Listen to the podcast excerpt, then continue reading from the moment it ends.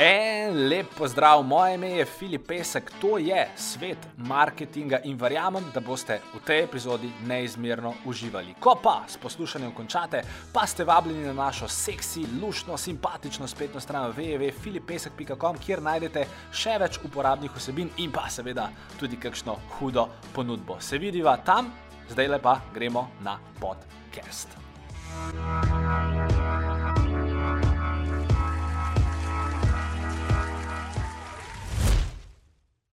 Ja, en lep pozdrav vsem skupaj, danes je z nami uh, Luka Grmovšek. Luka, kako si si v redu? Dobro jutro, krasen pitek je, sončen dan, tako da se veselim. No, lepo, lej, uh, mnogi uh, ga poznate uh, kot ustanovitelja ostrega roba, torej dejansko uh, podjetja, ki je v Sloveniji postalo sinonim z, z pojmom vrhunski kuhinjski nož. In čeprav bi lahko rekel, da je Luka tu dejansko ra, ra, uspel v nekaj letih iz nule praktično postaviti milijonsko podjetje, ki ima danes več kot 12 zaposlenih. Uh, se meni predvsem zdi dosti bolj fascinantno to, no, da uh, ker sem se z Lukatom pred intervjujem pogovarjal, uh, da se mi je res del, okay, torej, to je dejansko oseba, ki je imela neko idejo, dala je potem svojo strast, svoje srce, svoje delo, svoj čas v to idejo in iz njega naredil nekaj, kar pravzaprav iz leta v leto raste. Tako da, Luka, tudi jaz osebno se fulj veselim tega, da ti lahko par vprašanj postavim.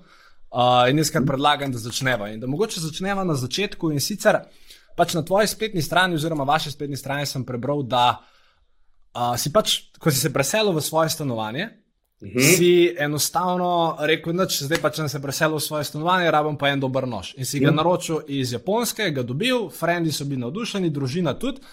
Ampak, glej, in, in posti dejansko iz tega pač kar začel počasi razvijati biznis, oziroma si prišel na idejo, ok, mogoče bi pa jaz dejansko to lahko začel prodajati. Sam, lej, tudi jaz veliko stvari naročim prek interneta, pa so ljudje okrog mene navdušeni pa zato v bistvu še ne grem delati biznisa iz tega. Kako to, da si ti dejansko se tako hitro odločil, da bi rad iz tega neko poslovno idejo razvil?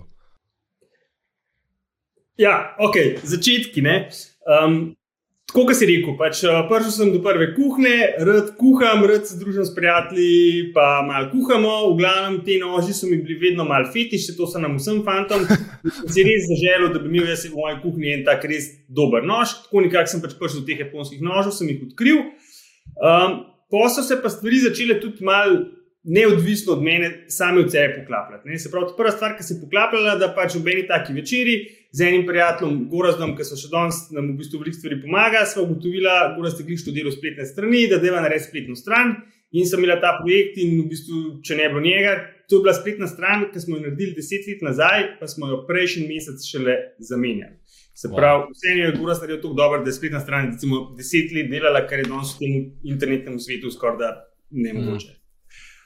Um, se pravi, nastala je ta spletna stran, pa se je pa v bistvu poklopil jaz sem, um, sem zidar in sem cela poletja zidu. In sem imel cele zime frej. Uh, Ponovadi smo po zimi vedno plezali, pa veliko športali, pa marsikaj drugega počeli, ampak sem se tega malo naveličil in sem rabil nek projekt, ki bi ga jaz po zimi malo tako za svojo dušo delal. Tako da sem nekako usmeril to energijo v te nože, seveda prva stranka, še danes na spletni strani, je bil moj oče, pol druga moja mama, pol počasi še stric, pa pa dolg časa nobenega, tako da to prvo leto je bilo zelo, zelo, zelo počasi. Ampak sem verjel v zgodbo, skozi smo to nekako malo vlagali. Pa se je pa zgodil en preobrat in sicer leta 2007-2008 je prišla tudi ta kriza, tako da je prišel en obdobje, ki jaz nisem imel več veliko za, za delati v mojem prejšnjem poslu in sem energijo dodatno malo preusmeril v te nože. Um, hkrati je bilo to leto, ko je prvič prišla na televizijo gostilna išče šefa z Binetom Volčičem in to je v bistvu en tak um, preskok v, v kulinariki, oziroma ta začetek tega kulinaričnega trenda, ki še danes traja. Se mhm. pravi, mm. resmo, da pred gostilno išče šefa naši učetje, pa naši prijatelji, pa fanti nasplošno niso niti sploh tako blazen veliko kuhali. Ker še žar so obrnili, pa bolj navadne čevapčiče.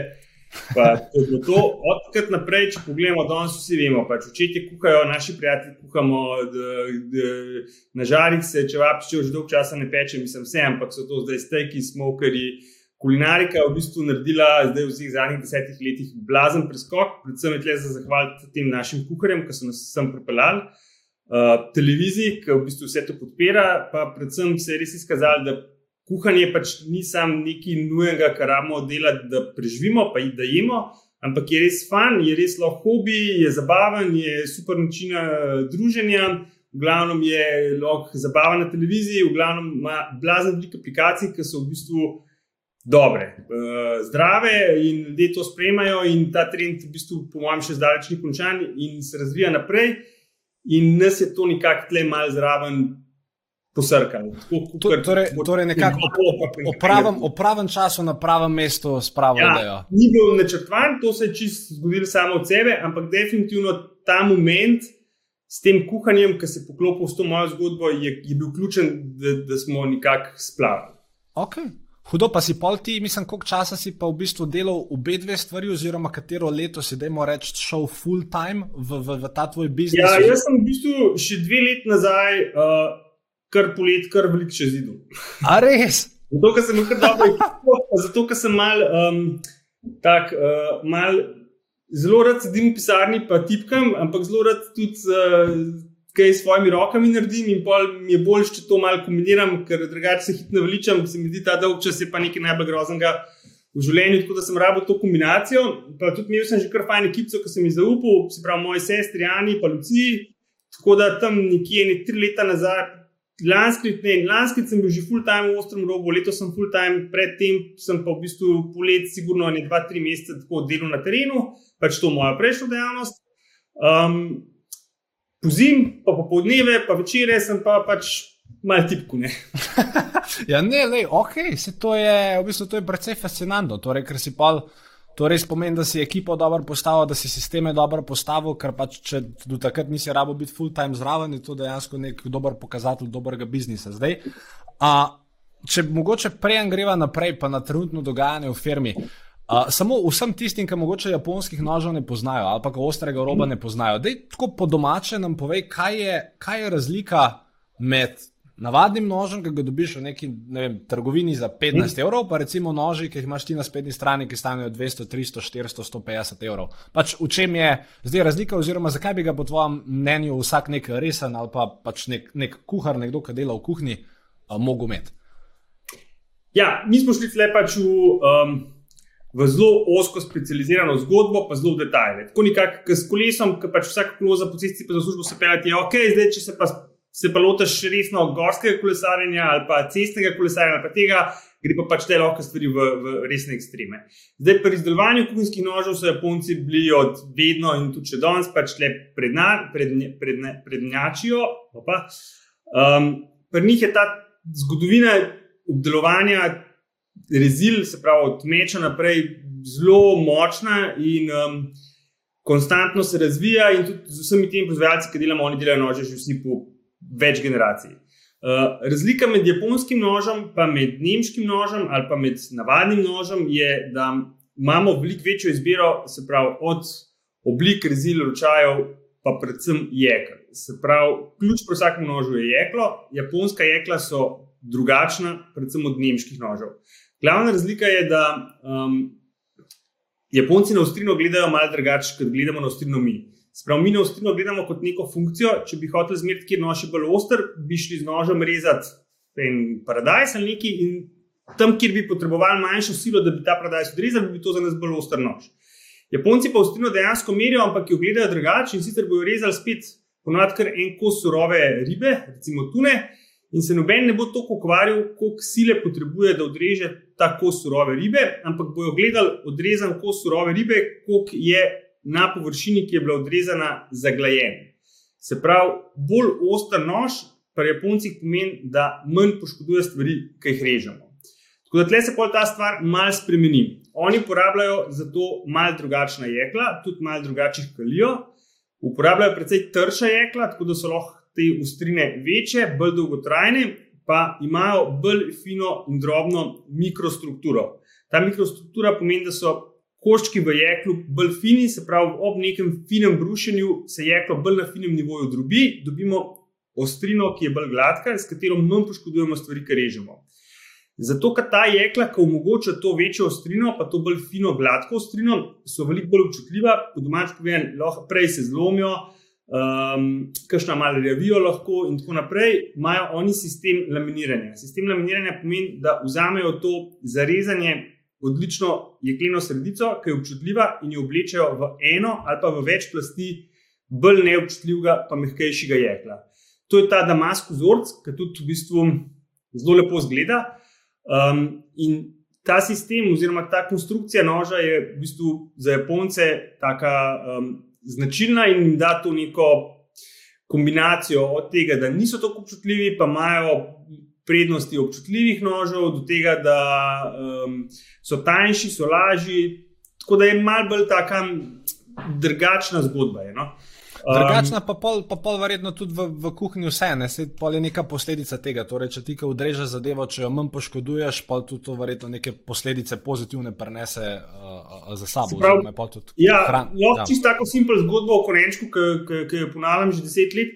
Če vzamemo en korenček in imamo en dobro nabrušen japonski nož, pa en zelo dobro nabrušen nemški nož, in odrežemo en kolobar korenčka, bo razlika med japonskim in nemškim nožem v tem, da ko bomo ta kolobar korenčka dali v usta, pa ga bomo polizali, bo ta japonski korenček gladek, da ližemo en kos stekla ali pa da bi ga polakiral. Nemški korenček bo pa mal hrapal. Zdaj, če damo ta korenček kuhati, načeloma ta japonski korenček se voda ne bo obarvala v oranžno, zato je hermetično malo bolj zaprt, manj je poškodovan in bo manj zgubil. Se pravi, manj, kaj jaz hrano poškodujem, dlje časa bo ostala sveža, pa pri nadaljni termični obdelavi bo manj zgubljala. Recimo v poklicni kuhinji bojo poklicni kuhari uporabljali dobro napuščene japonske nože, zato ker vse, kar bo zjutraj narežal, jim bo ostalo dlje časa sveže. Se pravi, spet za primer, če nareže zjutraj kuhar paradajz z dobrim japonskim nožem, mu ta paradajz ne bo spustil vode in ga bo lahko recimo pol dneva dajal na solato. Če ga narežeš z nemškim nožem, bo načeloma spustil vodo, pa, pa pač za solato to ni več tako ok. Če Vzamemo en lep kos mesa, spet isto. Če ga odrežem z nožem, ki ga ne poškoduje, ki da meso na žar, bo prej zaprl uh, pore, prej se bo naredila skorica, manj bo izgubil tekočine, ki ga bom solil, se pravi, več dobrih stvari ostane v zrezku. Tako je, če se urežemo. Pač je fin res, um, prej se nam za cilj, je grob res, dalj časa traja. Izhaja pa to zato pri Japoncih na tak drugačen način, zato ker če mi rečemo, v Sloveniji ali pa v Evropi, da kuhamo in mi dejansko kuhamo, in kuhanje pomeni, da na štedilniku nekaj cmarmo, pol Japonci v bistvu ne kuhajo, ampak režejo. Zato, ker um, presušijo 99% stvari, v bistvu se pač reže, pa se stavlja v neke kombinacije. In zato se to, je to rad toliko bolj pomemben. Sploh pri surovih stvareh, pri surovi ribi. Včasih, tudi ni bilo toliko teh hladilnikov, manjša je bila poškodba na ribi, dlje časa je ta riba ostala sveža, manjši stik na odrezani površini je imela z rakom, manj je oksidirala, pa tudi malo drugačen okus je imela. In iz tle ven pač so to oni razvili do, do, pač do, do, do skrajnosti. Ne? Ok, ja, hudo. Torej, dejansko bi lahko tudi nekako rekel, da je celoten uspeh ostrega roba povezan tudi s tem, da res prodajate kvalitetno stvar, pa da polke ljudje imajo, so verjetno zelo predvideni, da so zelo zadovoljni in potem povejo naprej in grejo zadeve uh, naredijo. To je bilo že od začetka, smo rekli, mislim, že od začetka sem jaz idejo, da mi bo enkrat ratal prodati 100 nožev, ne, pol se bo to samo od sebe štartali in dejansko še danes. Jaz mislim, da res nimamo razočaranega kupca. No. Pač vsake toliko časa so, mislim, veliko teh naših nožev potrebuje zelo veliko pojasnil, pa zgodb. Se pravi, če bi to spet primerjal z kolesom, pa bi rekel, da je en kup, da je en kup cestno kolo najlažje na svetu, ne vem, kakšno super druper. In ne ve točen, da je to kupil, zato ker mu prodajalec ni razložil, da je kupil najlažje cestno kolo in gre s tem kolesom se voziti po gozdu. Ne? Bo mogoče prišel nazaj v trgovino in rekel, da je vse lahko, sam pismo po koreninah se pa ne pelje prav dobro. Um, kar pomeni, da mi res veliko časa pravimo nameniti, da, da pač razložimo zgodbo, kaj kupuješ, zakaj kupuješ, da stranka pač žensko oziroma kuhar ve, zakaj kjer nož kupuje in zakaj ga lahko uporablja, in zakaj ne.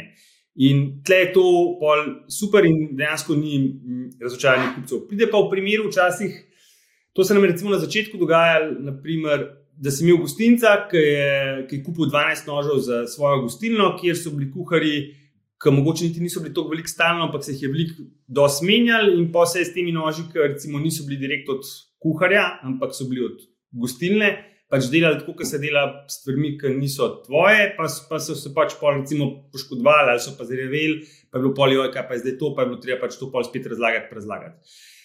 Danes jaz mislim, da vse en dober nož pač potrebuje, je pa japonski nož, ki je malo bolj zahteven, pač potrebuje lastnika. Ali doma, ali v kuhinji, ali kjerkoli. Se pravi, vsak nož ima lastnika, ni skupni dob, ni glih tako. Razumem.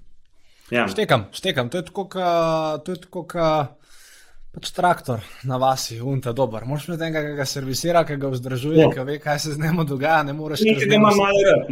Ja. Ja, ja, tako je. Ja. Okay. Malo ljubezni rab. Ja, ok.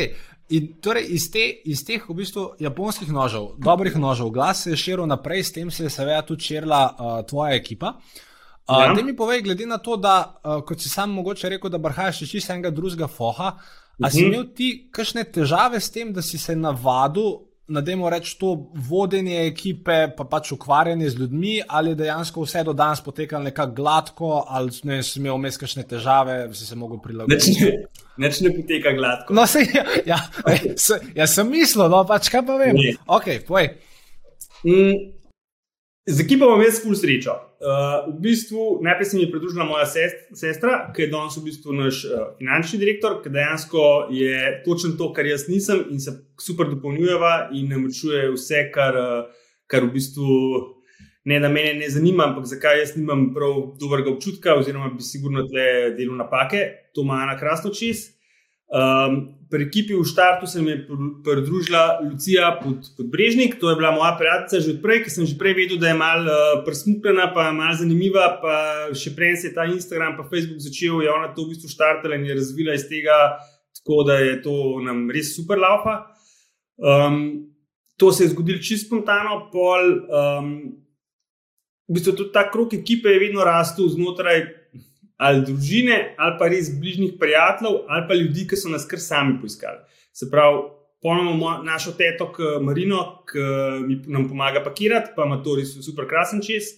Posebej nam je pridružila Ina, ki je bila moja sošolka v srednji šoli, ki je v bistvu arhitektinja, ki je blazen dobro dela dizajn, ki tudi odvedno sva isto gledala na stvari, kaj nam je všeč, kaj nam ni všeč, kako mora biti kaj izgleda, da pač imamo to usklajeno že tako v v samem koru, sploh ne rabimo pogovarjati, kaj nam je všeč, pa kaj ni, ampak vsi isto razmišljamo. Pol je bil en najbolj ključnih uh, ljudi, je bil moj bratranc Grega.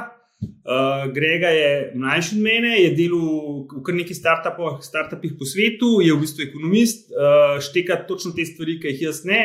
Pravi, če jaz razumem firmo do pet ljudi, pa recimo od pet ali pa od deset ljudi naprej se mi stvari začnejo malo zgubljati, je Grega točno tak, ki v bistvu počasi prevzema na iz vidika vodenja zdaj. Se pravi, mislim, da je on prihodnost v smislu, da nas bo vodil, kako bomo kot ekonomsko delovali, pa kam se bomo usmerjali.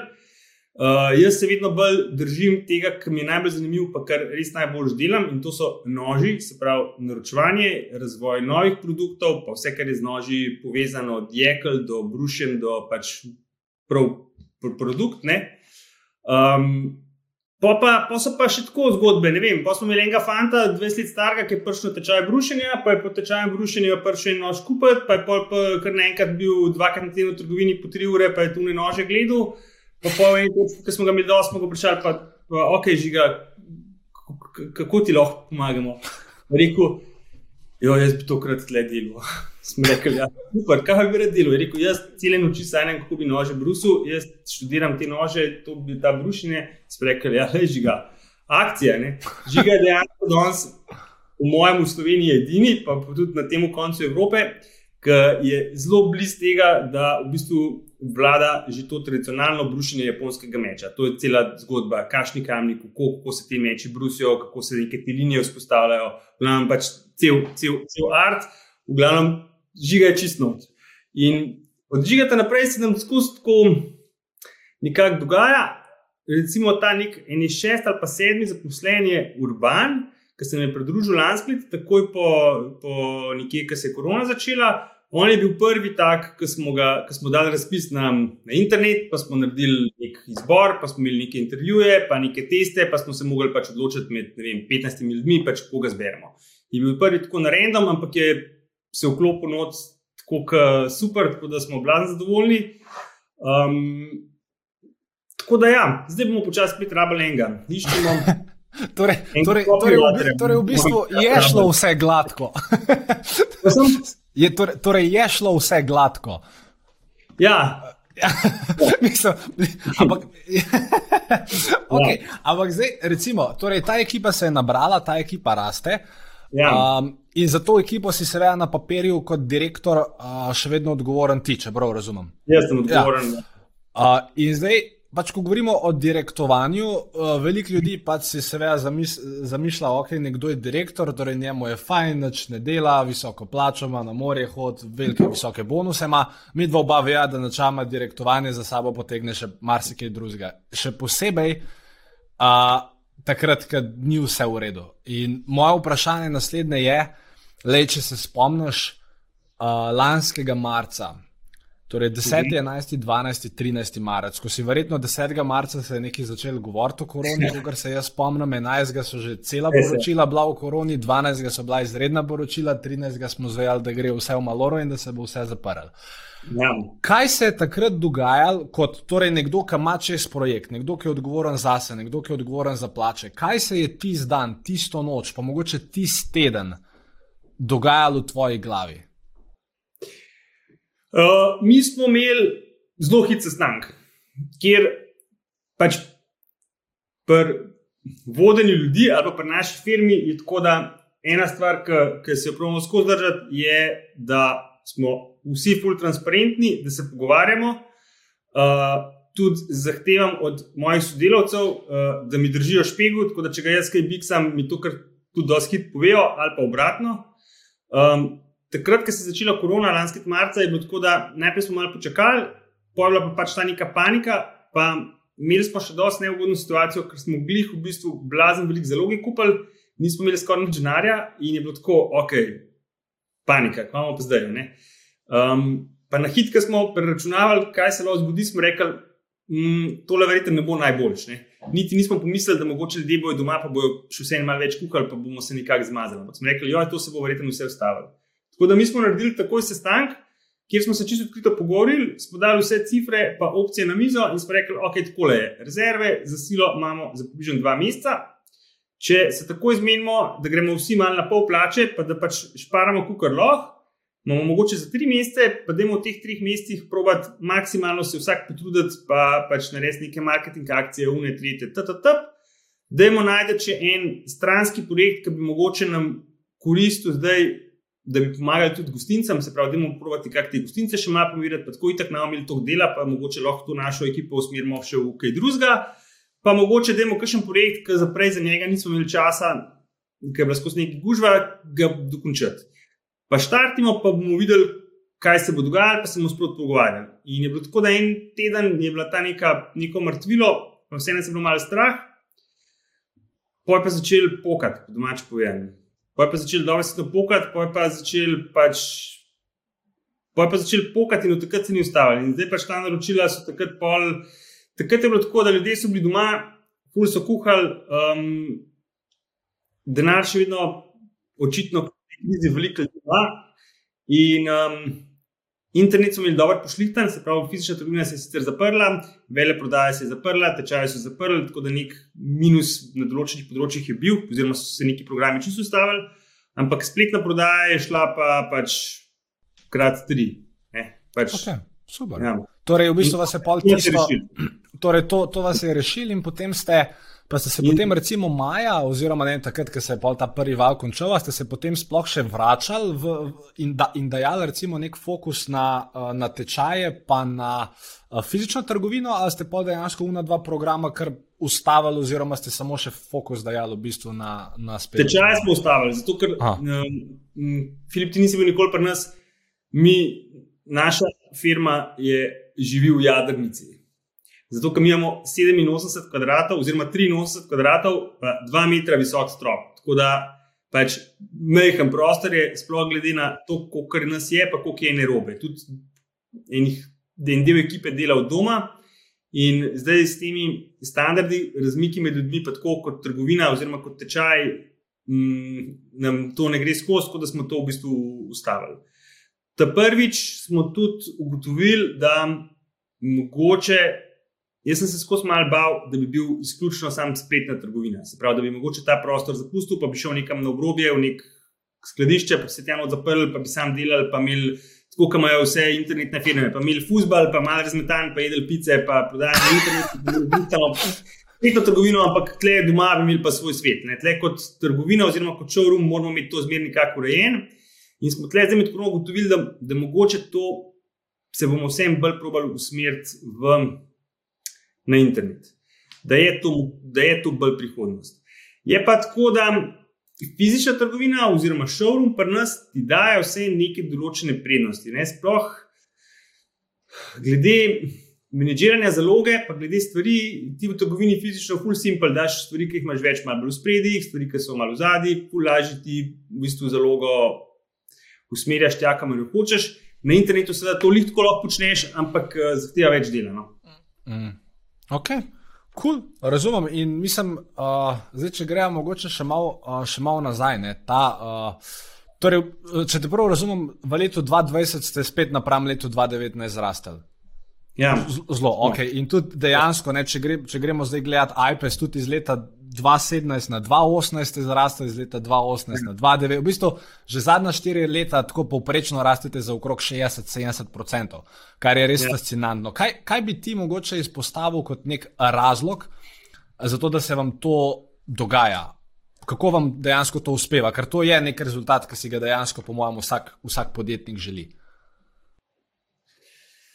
Puh, ja,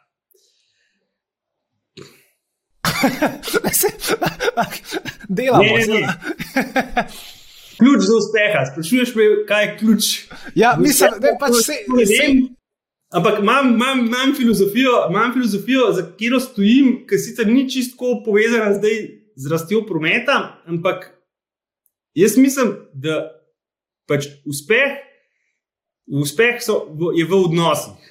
Pač mi, mi naša filozofija je, ali pa moja filozofija, pa s tem se vsi v firmi strinjamo, mi se trudimo pač imeti dober odnos. Jaz mislim, da uspeh, finančen, je brezvezen, uspeh pač mora biti neka sreča, neko zadovoljstvo. In to prvo, kot prvo, če ne deliš z ljudmi okoli sebe, je brez veze, ker pač pol ti pač milijoni največ pomagali. Drugo, drugo pa pač odnosi, odnosi med zaposlenimi, odnosi do strank, odnosi do dobaviteljev, pač to je ključ. Pač Probamo imeti dobre odnose. Zato, ker če imamo dobre odnose, mi, ki delamo skupaj med nami, pa pač ekipa desetih ljudi pač dela čudeže. Če so pač odnosi slabi, ti ne pomaga, tudi sto ljudi pač se neč ne zgodi.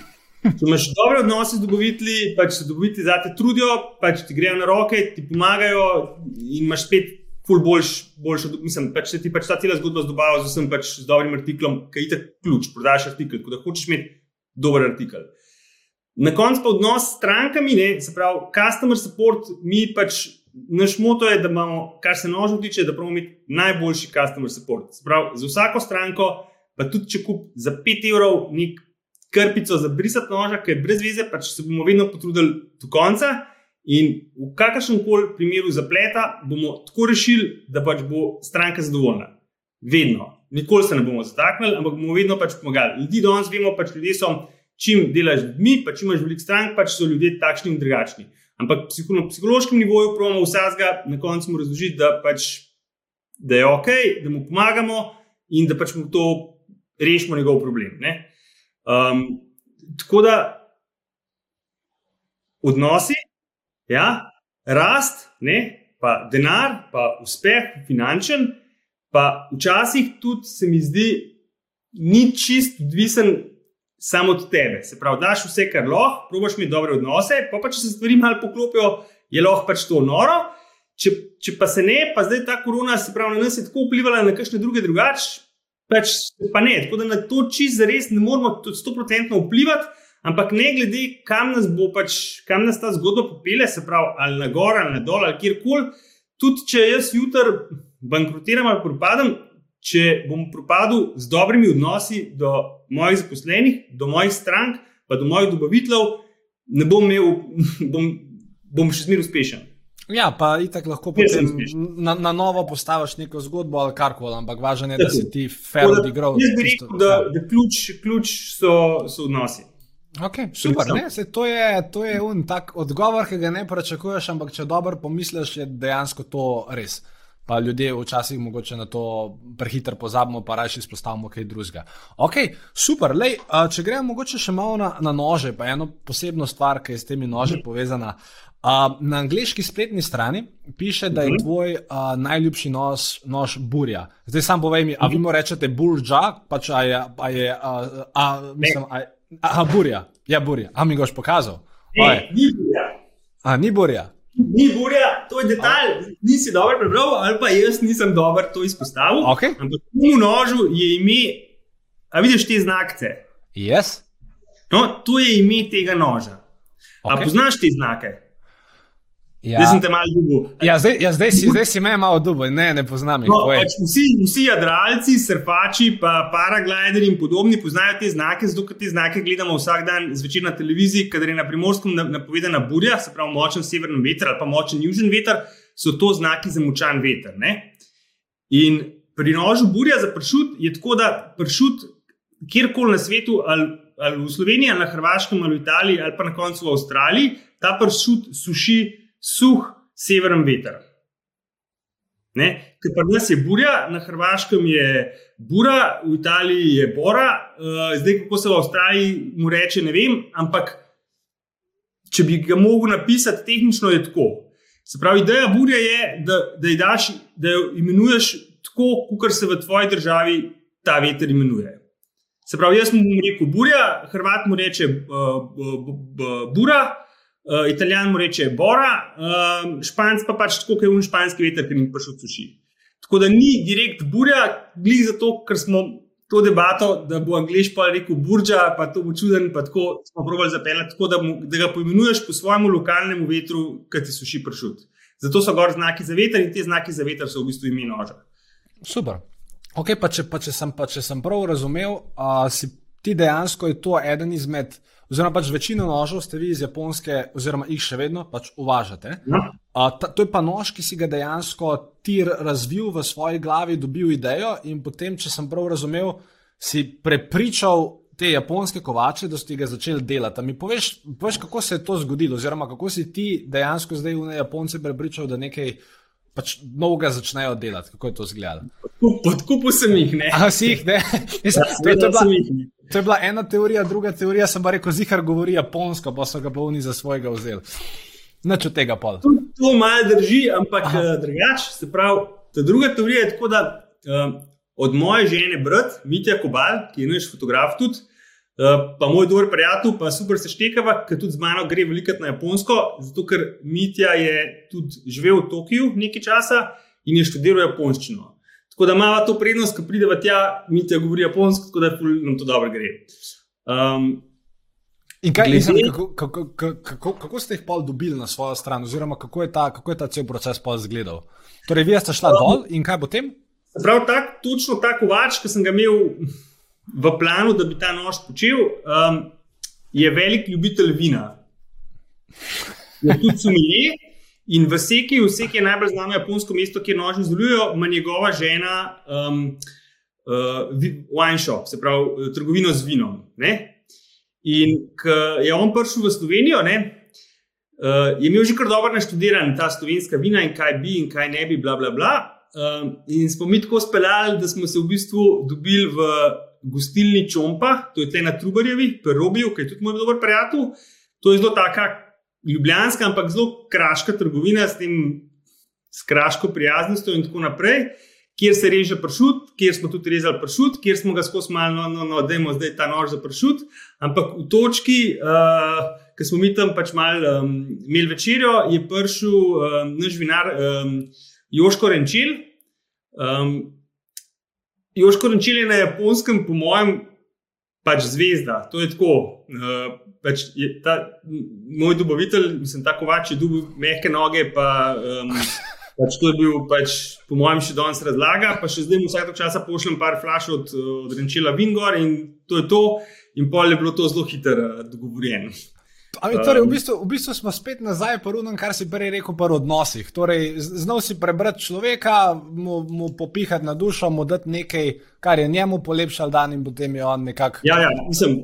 Ja. Vedel sem, ve- vedel sem malo sem izkoristil, ampak sem vedel, da mu bo to res blazen veliko pomenilo in se je to tudi tako fajn poklopili in nam je malo pomagali in zdaj imamo to super zgodbo. no. Ok, pa razen, pa razen, pa razen burje, uh, pa razen burje, ne vem, kaj so, kaj so recimo neki trije um, top hiti, ki jih uh, dejansko ljudje prve skupujejo ali pa naročajo. Oziroma, dajmo tako reči, če imamo nekoga, ki pač rad kuha, Mhm.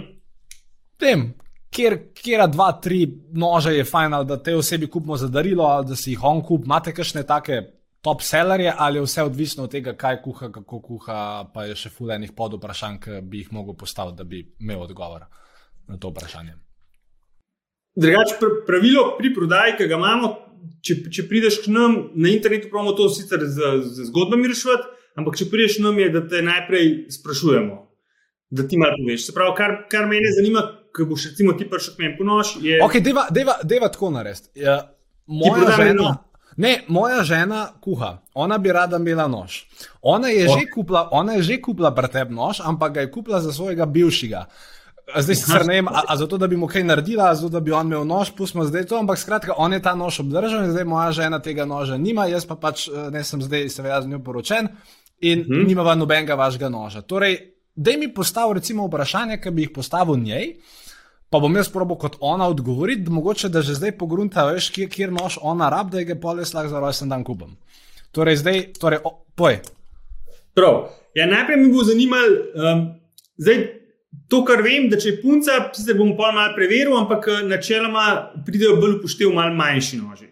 To se nam je zdaj že izkazalo. Se pravi, kaj še nož vzamemo tlele? Veš, to je pa zdaj, to je pa zdaj uh, demonstracija prodaje, prodaje v živo, ampak to je una inteligentna. uh, Inte, če razložim, ta je od moje žene, ne? Ok, ta je pa moj. Pač, um, ok, v Punce, vejo, da pač, kaj je uporabna oblika, ne? fanti pa malo plademo na, na, na, na impozantnost, pa na velikost. ne. Uh, tako da pri puncah, recimo, bi ti svetoval neko srednjo velikost. Pol, kar bi me zanimalo, je, um, ali je levičarka ali desničarka. Uh, pa me zanima, glede kuhanja, kaj, kaj kuhate zdaj, ali ste vegetarijanci, ali je veliko mesa, ali so ribe, ali pač, okay. kaj se največ no, kuha. ne. Torej, torej kombinacija velike, torej velike mesa, velike tudi zelenjave, velike nekih prilog, tako da jaz bi rekel nek miks vsega. Okay. Um, a že kakšen dober nož imate, ali japonski ali nemški? Ne, ne, imamo un, imamo un set nožev iz trgovine, pač mislim, vse so malo bolj oranke, ampak mislim, da so nemški, mislim, niso japonski, tako da ne 60 evrov, če je star šest nožev, to je pa to. Okay. Po bi jaz recimo ti svetoval eno obliko uh, santoku, ki se pogovarjava v vsestranskem nožu, ki je namenjen za ribe, meso pa za zelenjavo, se pravi, da vam pokrije zdaj celo luknjo. Je pa santoku vsem z malo več fokusa na zelenjavi. Se pravi, kljub je- to je temu, da je všeč. so pa ribe, 80% po mojem vsem se klate čebulo, papriko, paradajz, bučke.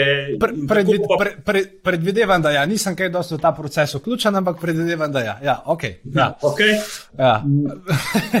Druga stvar, ki me bo zanimala, je, da pri nožih imamo bolj tak klasične ročaje,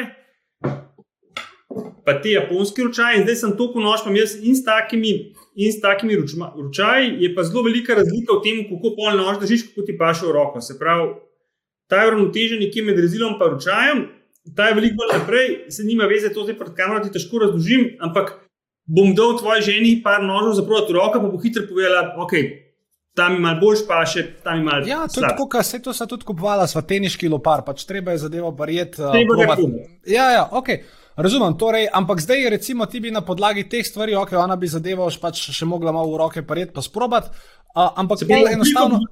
A? Ja, Pa bi, pa, sorry. enostavno, on, pa bi pa enostavno ti lahko v bistvu najdel nož za njo in pol imamo mi da prvi japonski nož. Tako da v bistvu par vprašanj. Ne, Samo- najprej bi ja. določila obliko, recimo v štartu Ok. okay. rečemo, da je stoku, pa pa lahko še malo zbirava kašna špička, ker so različne opcije, lahko je pač bunka, ki je malo bolj prismuknjena, lahko je tak. Pol bi zbira- zbrala ročaj, glede na to, kaj bi pisal najbolj v roko. Po pa, ki bi imela obliko, pa ročaj, pa bi se pa lotila jekel. Pri jeklih bi pa razložil, recimo, dva, tri različna jekla, kaj so prednosti in slabosti. Se pravi, a bi rajš imela nož, ki se bo um, fantastično brusil, ker tvoja, noža, tvoja žena bo tudi z veseljem svoje nože brusla, pa bo mogoče mečkim bolj tak um, občutljiv, pa ga bo mogla malo bolj čuvati. a bi raje imela tazga, ki je mal bolj neobčutljiv, pa ga lahko za vse, ste v privatni stroj ne smete dati, ampak ne bo nobenih težav, pa se ne bo to krušil. Ali bi raje imela mogoče kakšnega iz kakšnega full specialnega super trdega jekla, ki bo stopa res blazen ali pa nenormalno dolg časa oster, sam se bo malo težji brusil, pa ga bo nosila nam brusiti. Pa bi potlej ugotovila še mogoče, kje je jeklo bilo za najbolj primerno. In pol sva v bistvu nekje proti. Prot, Pa pa še pač malo estetski vidik, kar pomeni, da si še malo ja, ja, gledal. To, to, je, to, je pa, to bo pa še super. In si pač pol nekako spere ta nož. Ne? No, le, bomo pa prišli po en nož, tako ali tako. Ona ima, ona ima, ima veliko nekih stvari, ki jih moramo tekom leta, leta praznovati, pa, pa bomo zrihtali en nož. Ok, Luka, eno vprašanje za na konec. Uh, ja. Ostar Orop, torej, uh, vem, v zadnjih letih ste uh, pač torej, itak v Sloveniji postali zelo poznani, se pa zelo širite v tujino, oziroma imate večino fokusa, ja. če sem te prej razumel, uh, na tujini. Da mi povej, kakšno vizijo imaš za, za Ostar Orop oziroma Sharp Edge brand za naslednjih par let? Kaj, kaj, kaj bi rad naredil, na kaj boste dejali fokus? Povej mi malo več. Okay, sprav, imamo ostrop trgovino, ki deluje v Sloveniji in dela čisto super, ampak smo nekje na limiti, uh, tako kot je, bo bistveno naprej ne more iti, ker nas je slovencev to, kar nas je. Um, ostrop na Hrvaškem je tudi čisto ok. Sharpeč kot prodaja kuhinjskih nožev v tujini je program, ki se nam najbolj širi in tudi mogoče največ vlagamo in bo pač zdaj rastel, ampak je bolj kaj ne postavljen. Kar je pa novih stvari, je tako, da bi radi v bistvu celoto malo zaokrožili. Se pravi, poleg ostrega roba smo letos odprli uh, Knives, Knife SOS. Se pravi, Knife kot nož SOS, ki ga trenutno zdaj testiramo v Sloveniji, pa imamo pa štartali tujino in gre za storitev brušenja preko pošte. Se pravi, greš na Knife SOS stran, je ideja, da trikrat klikneš, pride poštar za kuverto in nalepko, daš noter svoje nože in pridejo čez tri dni na brušenje nazaj.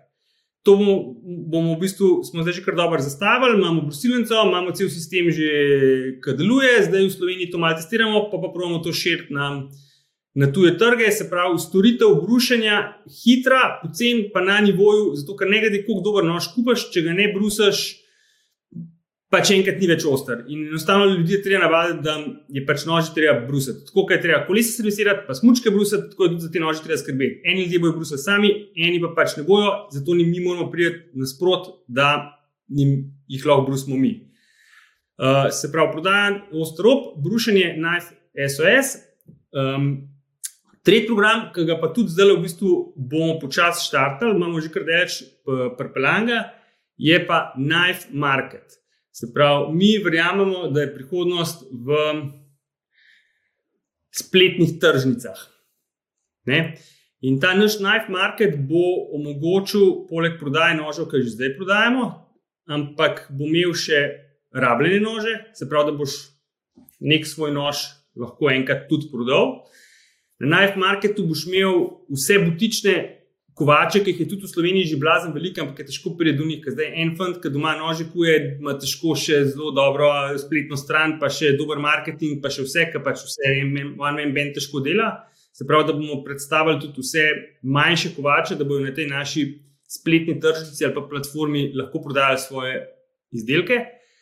Poleg uh, teh nožev um, bomo na tej tržnici prodajali tudi ročaje, torbe, recimo zakovače, kose jekla, jekla, ki so primerni za nadaljno izdelavo. Se pravi, vse, kar je povezano s kuhinjskimi noži, ampak na tej tržnici mi ne bomo več prodajalci, ampak bomo sam nek ponudnik neke platforme, kjer se bo ta aktivnost dogajala. Prihodnost vidimo v bistvu, v, v, po mojem, predvsem v, v tem. No. Torej, v bistvu postaviti nek, grdo rečeno, eBay ali pa boho, Okay. Za, za spletne nože, ali ne? Ja, točno. Ja, ja ok. Ja. Cool, Sam da pač boš, ne? ker bo vaše. Ok, uh, cool. Pa samo za nože bo, ne? Ja, ja, tako. Ja. Ok, super. Ja, Luka, lej, jaz sem full vesel, da smo sva te stvari predebatirala. Uh, full ti hvala za iskren pogovor. Uh, in uh, seveda, lej, uh, jaz bom šel po en nož v ostarob, tek gledajo, se bo malo zdaj ta tvoj trg razširil, evo pa še več ljudi ve za to, kar delate. Uh, Uh, drugač pa, uh, vsi, ki ste poslušali ta intervju, ki vam je bil všeč z Dukatom, vas zelo vesela, če kaj spori pokomentirate, če ga magar pošerate, kar hočete z njim narediti. Če pa drugega ne, bom pa vesel, če vzamete un Dukatov na svet. Uh, Ker je bil v bistvu, uh, da so dejansko odnosi osnovni gradnik vsake uspešne zgodbe, pa mogoče ne vem, nekaj naredite s tem nasvetom, ki se mi zdi res dober. Uh, Luka, hvala še enkrat, pa se vidimo. Čau. Filip, najlepša hvala, adijo, adijo.